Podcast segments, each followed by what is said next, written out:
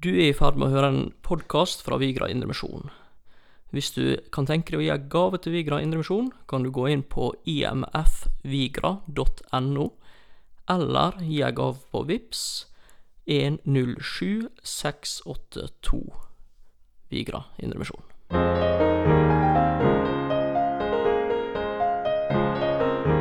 Hei, og velkommen til en ny episode med Markus og Thomas. Hei sann, Thomas. Hva er det vi skal snakke om i dag? Du, Markus, i dag skal vi snakke om thanksgiving, og skal snakke om Black Friday. Og tro det eller ei, han Markus snakker ikke om fotball. Endelig. Og alt dette det finner oss i, eller ikke i, Romerbrevet 12, 3 og utover.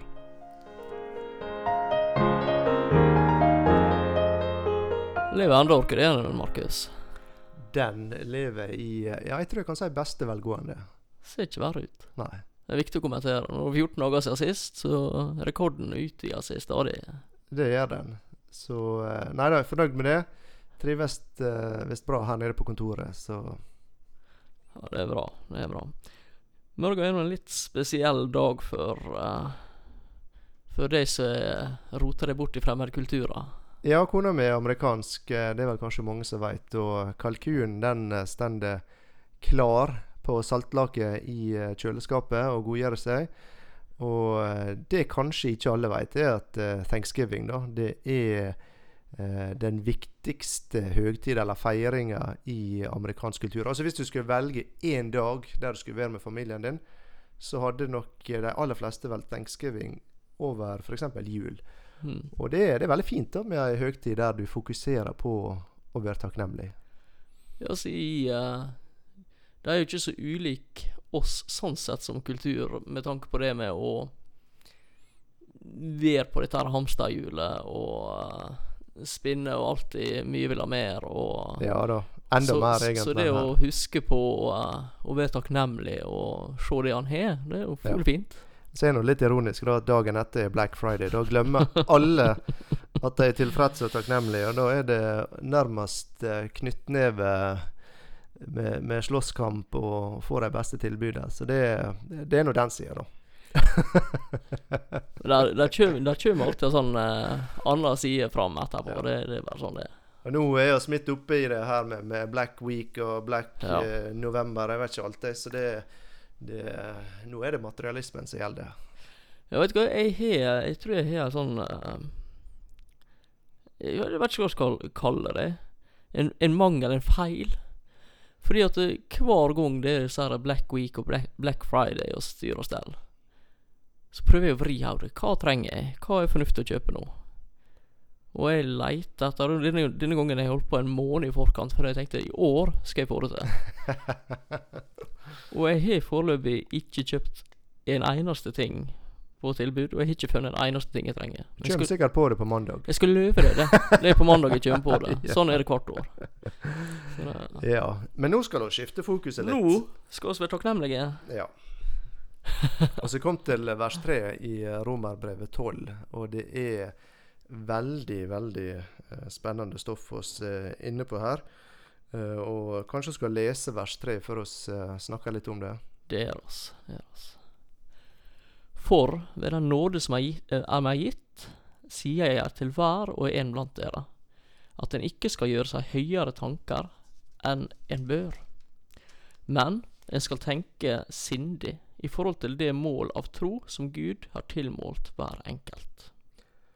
Så jeg har begynt på et helt nytt uh, avsnitt uh, nå, og det er Jeg syns det er veldig spennende. Resten av kapittelet det handler om forhold mellom mennesker. Og det, det som jeg syns er fascinerende med dette her, det er at eh, de fleste jeg kjenner, når de begynner å snakke om Guds vilje, så tenker han kanskje eh, ja, skal jeg reise en plass til et annet land som misjonær? Skal jeg starte et barnearbeid?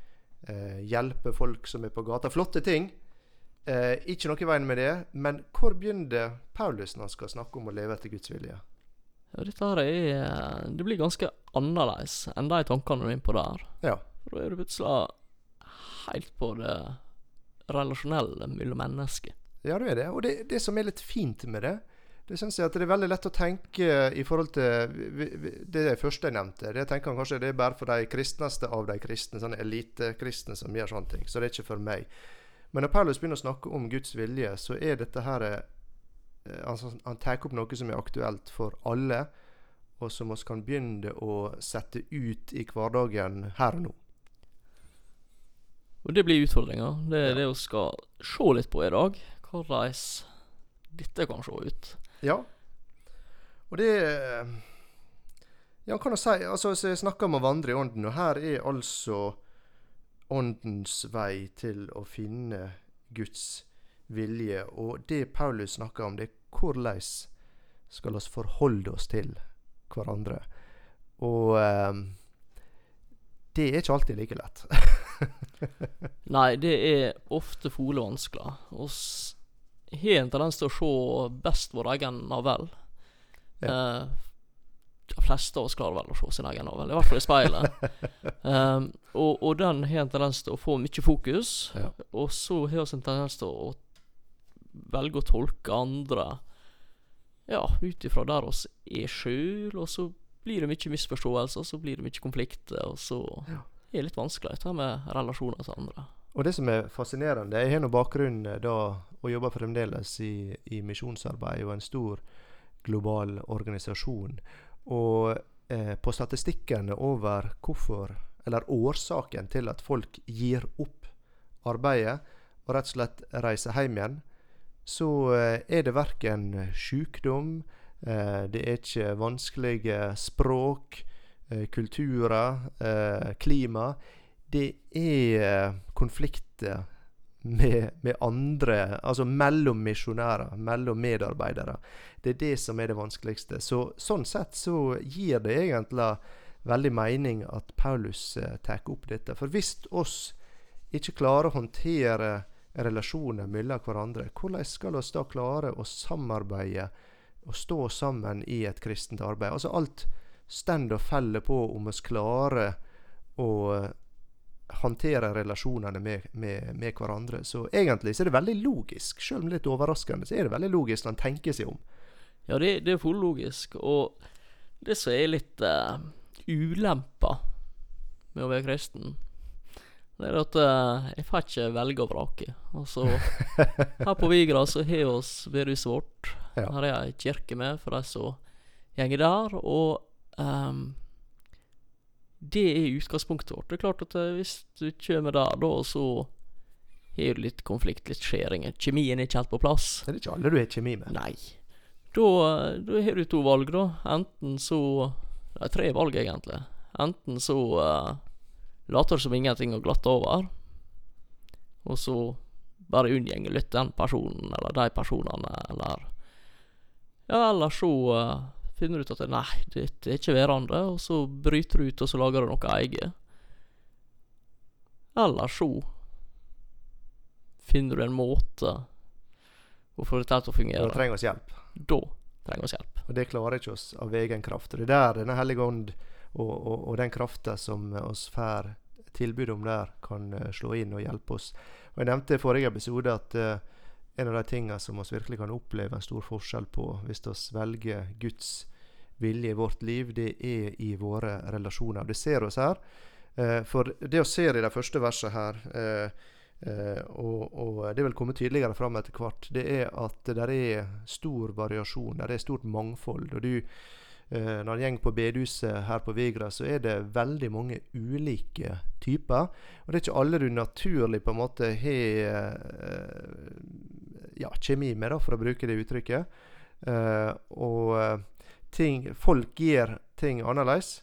Eh, I i, i misjonsutdanninga eh, mi så var det et sånn eh, ordtak eller et uttrykk som ble gjentatt igjen og igjen og igjen. Og det var 'different, not wrong'. Altså annerledes, men det betyr ikke nødvendigvis at det er feil. Og det er et veldig befriende eh, Altså en befriende tanke. For det er veldig lett, når vi ser noen gjøre noe annerledes enn sånn som oss har tenkt det, så det er veldig lett å komme til konklusjonen at dette, dette er feil måte, for sånn hadde ikke jeg gjort det. Og da klarer å tenke at dette var annerledes, men eh, ja, kanskje det er en lur måte. Kanskje det er bedre enn min måte. Det er iallfall ikke nødvendigvis en feil måte. Men det er fole lett å kaste den at Nei, dette er feil. Ja. Og så ødelegger du for deg sjøl, og potensielt for andre rundt deg, det som kanskje var en bedre måte. Mm. Og eh, ja, nei, jeg tror, der er en nøkkel. Um, kanskje litt tidlig å dra den, men jeg har lyst til å dra en kobling. Nå snakker vi om vers 3 her, så jeg har lyst til å trekke inn vers 16 hvis jeg faller over. Kjør på. For det, vers 3, sant, så står det her For ved den nåde som er meg gitt, sier jeg til hver og en blant dere, at en ikke skal gjøre seg høyere tanker enn en bør. Men en skal tenke sindig i forhold til det mål av tro som Gud har tilmålt hver enkelt. Og så, hvis vi hopper inn i 16, ha ett sinn innbyrdes, trakt ikke etter det høye, men hold dere gjerne til det lave, vær ikke selvkloke. Tok med den fordi at uh, var inne på det. For det Mm. helt har lett for å være sjølkloke. Vi har lett for å ja, si det ja, 'Jeg har ikke den fulle hele innsikt, men' Og så kommer det noe. ja. Og um, Og, og Paulus han snakker om et forvandla sinn ikke sant, Ja. i vers 2. Og så, og så fortsetter han å snakke om hvordan vi skal tenke. Og det er veldig logisk, for nå skal vi tenke annerledes. Og det første det handler om uh, å ikke være for høye på seg sjøl. Og det er altså i relasjoner Altså uten ydmykhet så går ikke det særlig uh, Altså da blir det veldig slitsomt i lengda. Kan bare tenke deg et ekteskap. ja, ja. ja det, han, må, han må være ydmyk. Og Vi må være ydmyke fordi at oss er ikke ufeilbarlige. Eh, bare sånn oss imellom, Thomas, eh, så får jeg innrømme det at jeg heller ikke er ufeilbarlig, hvis du ikke sier det til noen andre. Da. Ikke du, Markus? Nei da, jeg spør nå Sara. Jeg skal om jeg må gjøre det. ja. Nei, oss, oss, oss ber alle på vårt, og uh, det, er jeg til gangs. Uh, Og da, og da Og må man være såpass ydmyk at man må være villig til å si at uh, OK, dette ble feil. Eller de, denne måten du gjør på, den er bedre enn sånn jeg hadde tenkt det. Eller be om tilgivelse. At det jeg sa, det jeg gjorde. Og det handler om ei ydmyk. Og det er utgangspunktet ydmykhet. Og det står også at Gud står den stolte imot. mm, Den ydmyke gir han nåde. Altså det Stolthet er bare Det stenger alt som har med Guds vilje å gjøre. ja, altså det er Det blir en påtatt posisjon, eller påtatt eh, myndighet som du ikke ikke har. Fordi at du sier På ene sida så sier du at ja, Nei, jeg eh, Jeg trenger Jesus. Jeg trenger Frelseren. Jeg trenger Herren. Mm. Mens på andre sida så sier du nei, men jeg er bra nok slik som jeg er, og jeg har rett. Det blir litt sånn skjæring der som Ja ikke helt Det er ikke alltid vi er like logiske, spesielt når vi vurderer oss eh, og reflekterer over oss sjøl. en, en ting som er litt sånn skjult, men som jeg føler er veldig fint i vers 3, uh, og det er folk som er bedre på grunnteksten enn jeg, som har uh, grøvet fram dette her. Men du kan se det i slutten. Der er, der er ei det er målet av tro som Gud har tilmålt hver enkelt. Altså det er tilmålt, det, det, det er noe Gud er gitt. Altså det handler om Guds gave. Eh, så eh, det å se der, da, det er at når vi vurderer andre mennesker Det kommer egentlig ganske eh, Eller kommer tydeligere fram eh, seinere, det også. Men det, det måten vi skal tenke på andre, eh, det er at vi skal vurdere dem ikke ut ifra lønnsnivået deres eller eh, status, eh, hva bil som står i eh, garasjen. Men jeg skal vurdere dem og skal tenke om dem ut ifra, eller basert på, eh, Guds åndelige gave. Altså det som Gud har gjort i livet til hver enkelt. Og det, det er også en veldig fin utfordring. Altså hvor mye veit du om eh, folk i din forsamling? Altså Legger du merke til hva Gud gjør i livet deres? Er det sånn at du kan gå bort til dem og si eh, Ja, rett og slett eh, Gi dem et oppmuntrende ord og si 'Jeg ser at eh, Gud har arbeid i deg'. Og da, da må du kjenne folk rundt deg for at du skal klare å oppfatte sånne ting. Ja, så da er ikke det lenger en diffus relasjon. Da begynner det å bli en intim relasjon. Ja. Og det Og det fine med det er at det retter oppmerksomheten mot Gud. Altså Hvis jeg Mm. ser i deg, Thomas, og ser jeg noe Gud har gjort i deg, så kan jeg nevne det til deg. Og det, du blir glad, men det er også eh, Ære gjenger likevel til Gud. For det, Ja. det er Gud som har gjort det. Og det, det er viktig, for det altså, igjen Hvis det her hadde gått til meg sjøl, så hadde han fort Eller jeg vet ikke hvor fort, da, men han kunne, kunne ha blitt høy på seg sjøl. Ja. Og Der er, der er noen personer i Det nye testamentet som eh, Ikke så mange, men der sier du at du skal ære slike. Og gi ære til sånne. Og det er En av dem er bl.a. Epafroditus. Men Jeg skal ikke gå inn på han nå, men det er veldig fascinerende å se hvem som uh, Hvem dette blir sagt om, hvis han ser på livet hvem, hvem det var, Markus? Epafroditus. Så du vil, eh, du vil snakke litt om han i dag? Nei, men jeg tenkte når vi nevner det, Ja. så er ikke sikkert alle har kjennskap til han. Og han er jo en litt interessant karakter. Epafras, Epafroditus eh, han blir omtalt eh, De fleste mener at han er den samme personen. Mm. Og i Filippa-brevet blant annet så blir han omtalt som en som han, han, han vågde å sette sitt eget liv på spill før de andre. Eh, han ble sjuk, eh, og han var eh, døden nær. Det han tenkte på når han var så sjuk, det var at han ville ikke at filipperne skulle høre om det. For da ville de bli veldig bekymra for han, så han ville ikke legge den byrda på dem. Altså så på en måte uegoistisk var han. Og Paulus sier om han at sånne personer skal dere gi ære til. Han tøler det. Og det, det, dette syns jeg er jeg, liker den historien, for at det viser noe om Det er klart, han kunne ha valgt å ikke gi noe, bare for at det gikk på at uh, stoltheten hans. At uh, ja, kunne jeg, jeg burde ikke blitt sjuk, eller jeg, uh, jeg skal ikke vise svakhet og sånt. Men det er ikke det som er vinklinga hans i det hele tatt. her.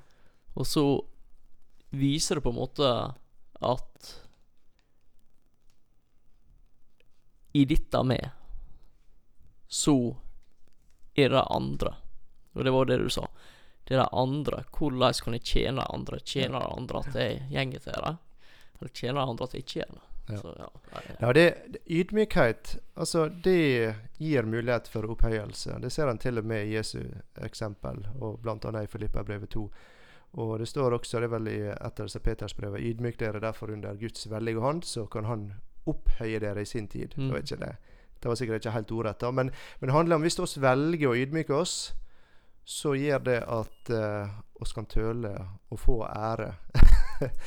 men det, det er ikke det som blir målet. Så det, det er Men uansett, ydmykhet det er en nøkkel som åpner opp for at Gud kan virke i oss og gjennom oss. Det er helt sikkert.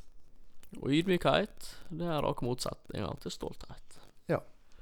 Og kjærlighet og ydmykhet det er nesten synonym, egentlig. For kjærlighet det er å tenke på andre eh, før eh, seg sjøl. Det er interessant eh, det står at du skal elske de neste som deg selv. Det blir tatt for gitt at vi elsker oss sjøl. ja. Det er jo Det kan, kan være utfordrende, det med. Absolutt. så det det, er og jeg tenker i forhold til dette med ydmykhet og kjærlighet, så Det må nå på mange måter kunne kalles en av de viktigste nøklene i et ekteskap. Absolutt. Absolutt. Og, og igjen Også nevnte relasjon her på jorda, i familielivet. Det speiler mye av det som skjer i den himmelske familien vår. Ja da, det er det. Stolthet det, det knuser relasjoner og vennskap. Altså Det er ikke noe som er mer ødeleggende enn relasjoner. Altså Det kan være folk som eh, du hører om som ikke snakker kanskje med faren sin på 30 år for et eller annet som skjedde, som de nesten kanskje har glemt hva det var, men det er stoltheten som gjør at dette forholdet fremdeles er ødelagt. Og stolthet det er ekstremt ødeleggende. Så det er, det er veldig forståelig at Paulus eh, begynner med tanken om ydmykhet. For du kommer ingen vei hvis ikke det eh, er det første punktet, og, det, og det er på plass. Ja. Jeg ser vel egentlig i vers eh, fire og fem også, der han snakker om at å se ett legeme med mange lemmer, så er det Mm. også en veldig ydmykende tanke. For det eh, eh, Foten din trenger hendene dine, og hendene dine trenger øynene dine. Og, altså, altså er så utrolig avhengig av hverandre for å fungere, for å få gjort noe. Eh, at det skulle gjøre oss veldig eh, ydmyke. Og eh, venstreøra mi hører litt bedre enn eh, høyreøra mi, men jeg har ikke merka noen misunnelse. Ikke det? Nei. Nei.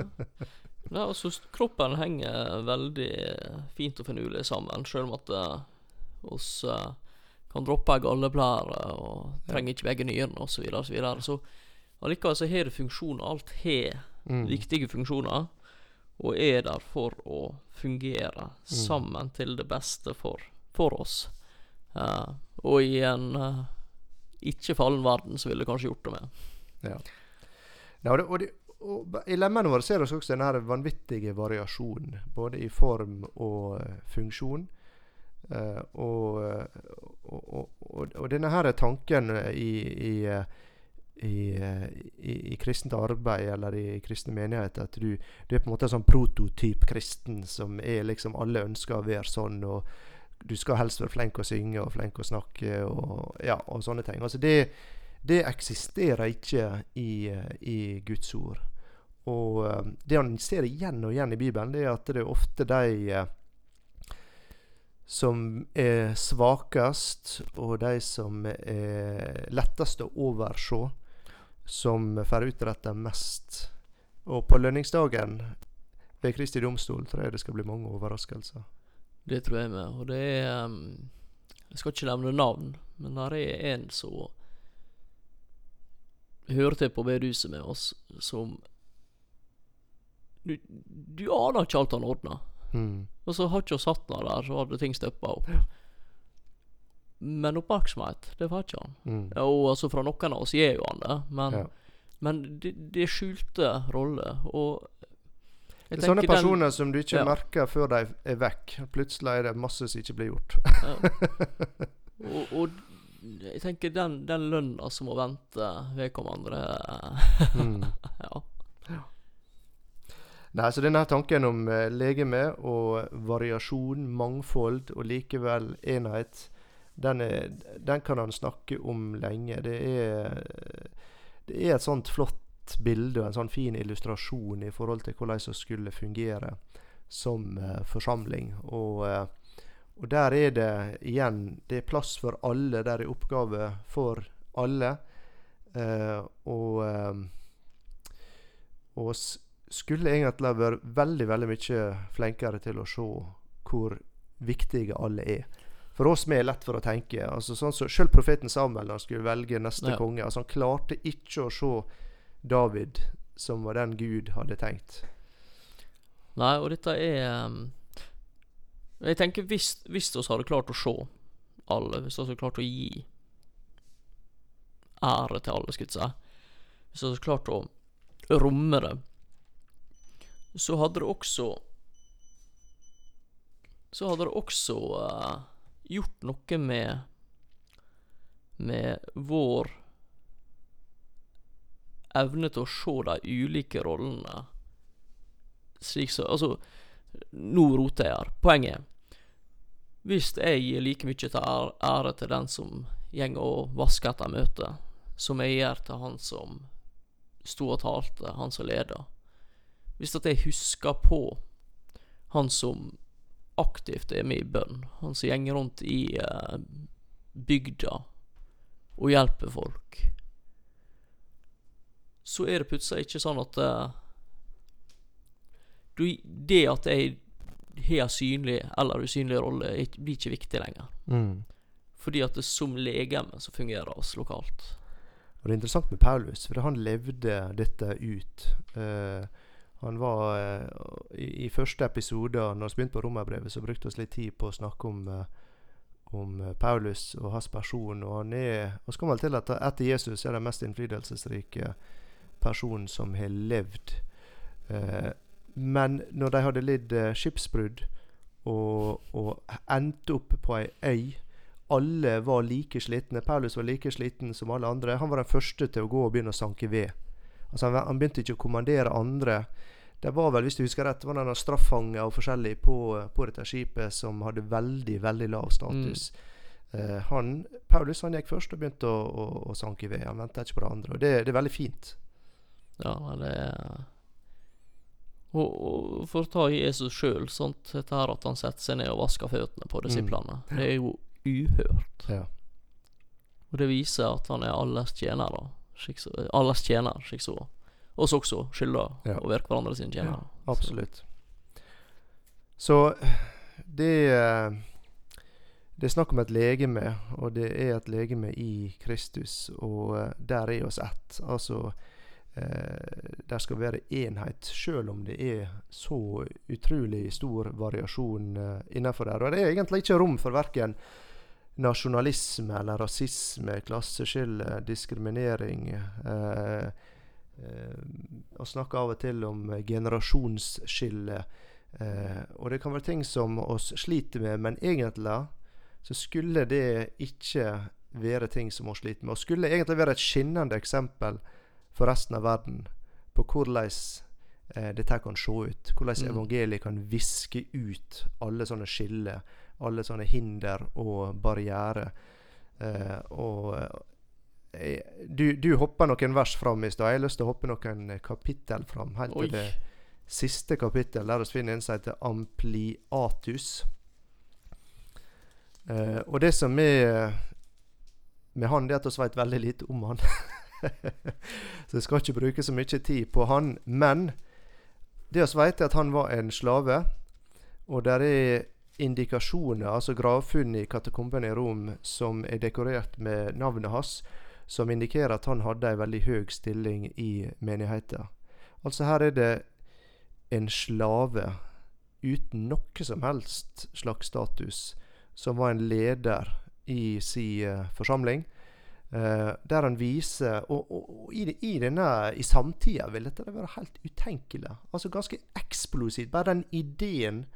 Uh, nærmest en skandale.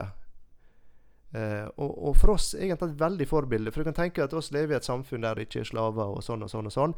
Men det er ufattelig lett å tenke at en vellykka person med det ytre i orden og kanskje ei god karriere er den som er best skikka til å, å sitte i styre eller i, i ledergruppe.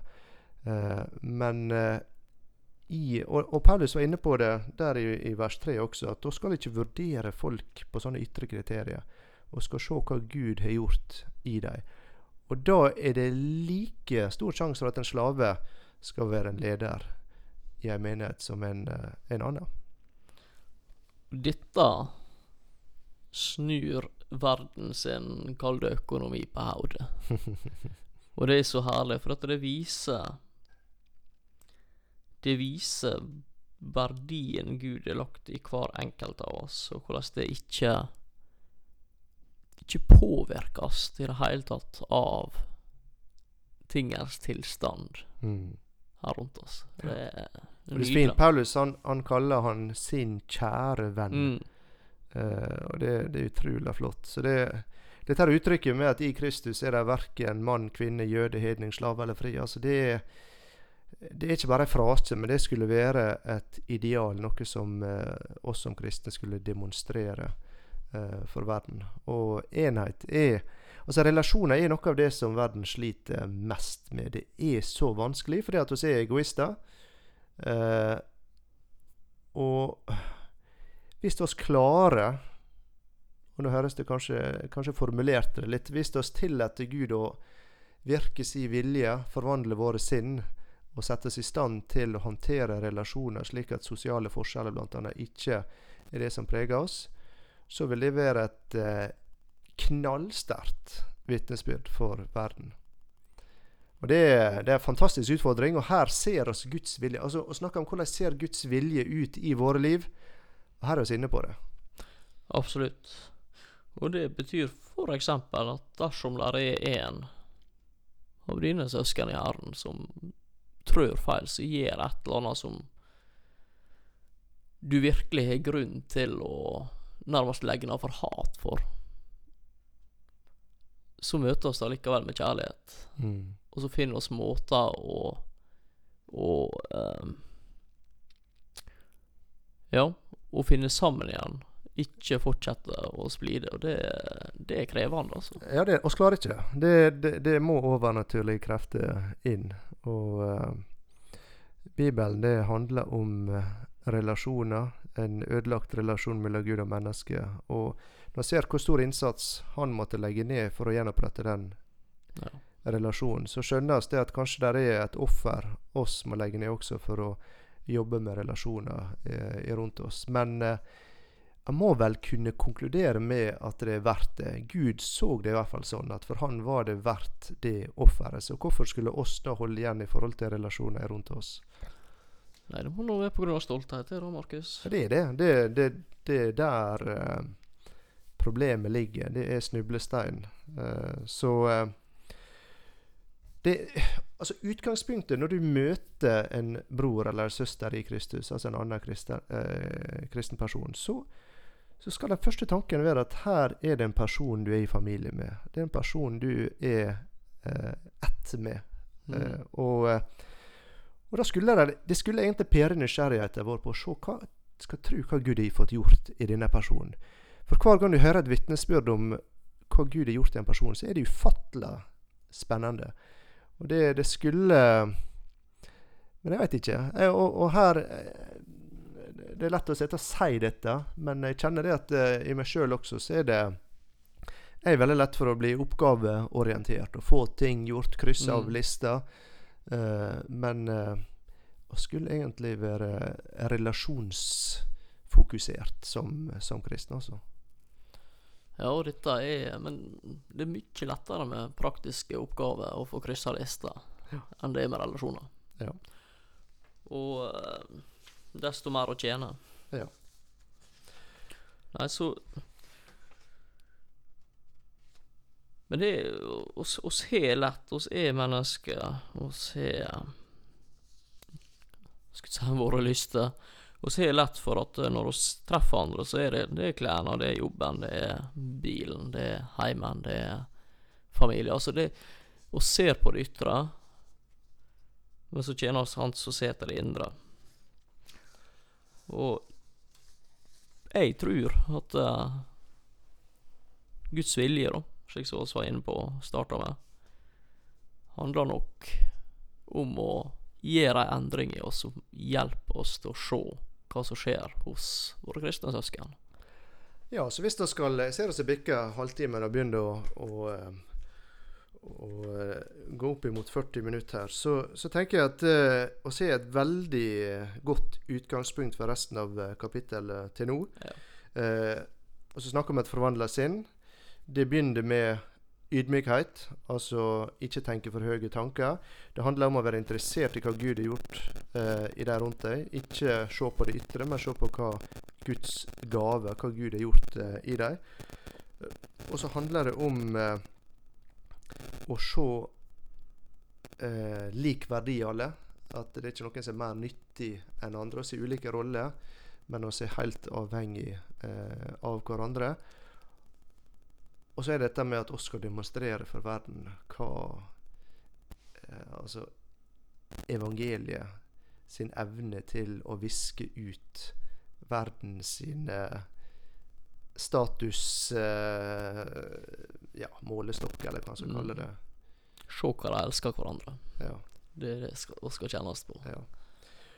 Og da eh, Altså, oss, eh, oss skulle ha gått inn i vers 9 og 10 og 11 utover, men jeg tror at de, de henger Det er en sånn fin rekke nedover Ja. at jeg, eh, jeg tenker oss må ta den i en egen episode. Og egentlig eh, så blir det her enda mer eh, konkret. Altså det blir eh, Er du interessert i Guds vilje, så kan du begynne å, å se på disse versene der. Så vi har lagt en, eh, et, et utgangspunkt. Og igjen så handler det om hvordan vi skal tenke om hverandre. Og så får vi se litt på eh, Altså han blir på en måte mer og mer praktisk, mer og mer konkret eh, utover. Så det, det er veldig flott. I dag har jeg en sang, Markus. Så fint, da. eh, fra Josef, 'Drømmenes konge'. Skal jeg ta frem Filmen. gitaren? Ja, kan synge, kanskje gå og synge den. Dette er en sang som Miriam driver og synger den stadig vekk. da Gjorde i hvert fall det. Jeg tror vi må si det at uh, den dagen vi får over 500 nedlastninger på en av våre episoder, så kan vi synge noe. Du skal synge Skal vi love det? Jeg vet, jeg vet ikke om jeg tør det engang. jeg. Ja, Foreløpig så er det ganske safe, så Ja. satser på den. Da skal synge en sang. Ja. Ok. Nå angrer jeg allerede på at jeg sa dette. Men. Ja, de bor og fanger. Eh, du vet bedre enn jeg, heter sangen. Ja. Jeg gjorde allting rett. Jeg visste alltid svaret. Jeg valgte ut en sikker vei, men veien førte hit. Jeg yppet så til strid, befalte deg å hjelpe. Men først når jeg har gitt deg opp, så ser jeg noen hvit. Du vet bedre enn jeg sannhetens vei. Jeg trenger jo ikke forstå, for du vet bedre enn jeg. Hvis alt har vært en test, så ser jeg ikke grunnen. Men vite at jeg ikke vet, er med og hjelper meg. Jeg strever det jeg kan, min tro har gjort det enkelt. Å se det beste i livet mitt, det er min lit til deg, for du vet bedre enn meg, meg, sannhetens vei. Jeg trenger ikke å forstå, for du vet bedre enn jeg. Jeg så en sky, og himmel ble ny. Jeg så en fugl og tenkte jeg kan følge. Men det var du som lærte den å fly. Hvis jeg gjør deg ære, så får jeg lære. For du vet bedre enn jeg, sannhetens vei. Jeg trenger ikke å forstå. Jeg tar de svar som jeg kan få. Du vet bedre enn jeg den uh, I filmen så kommer den på et tidspunkt der han Josef har uh, gått på smeller, da, kan du si. Mm. Og så får han komme til denne erkjennelsen at jeg har ikke Jeg har ikke den fulle hele innsikt. Mine tanker er ikke fullkomne. Det er ikke Guds gode tanker.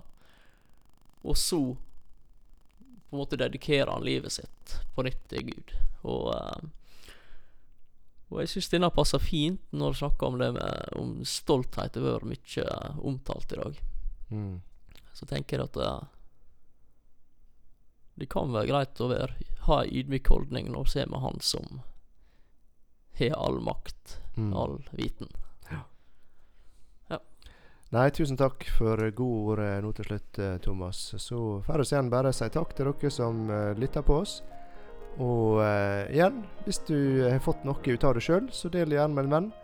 Eh, så kanskje det er flere som kan eh, eh, få noe Ja, noe litt hjelp, oppmuntring, hva det måtte være. Guds ord det er alltid spennende, og det er levende. Og det er det som gjør det som, eh, så, så spennende å jobbe med og, og, og få lov til å dele eh, videre. Så med det så takker vi oss for denne gang.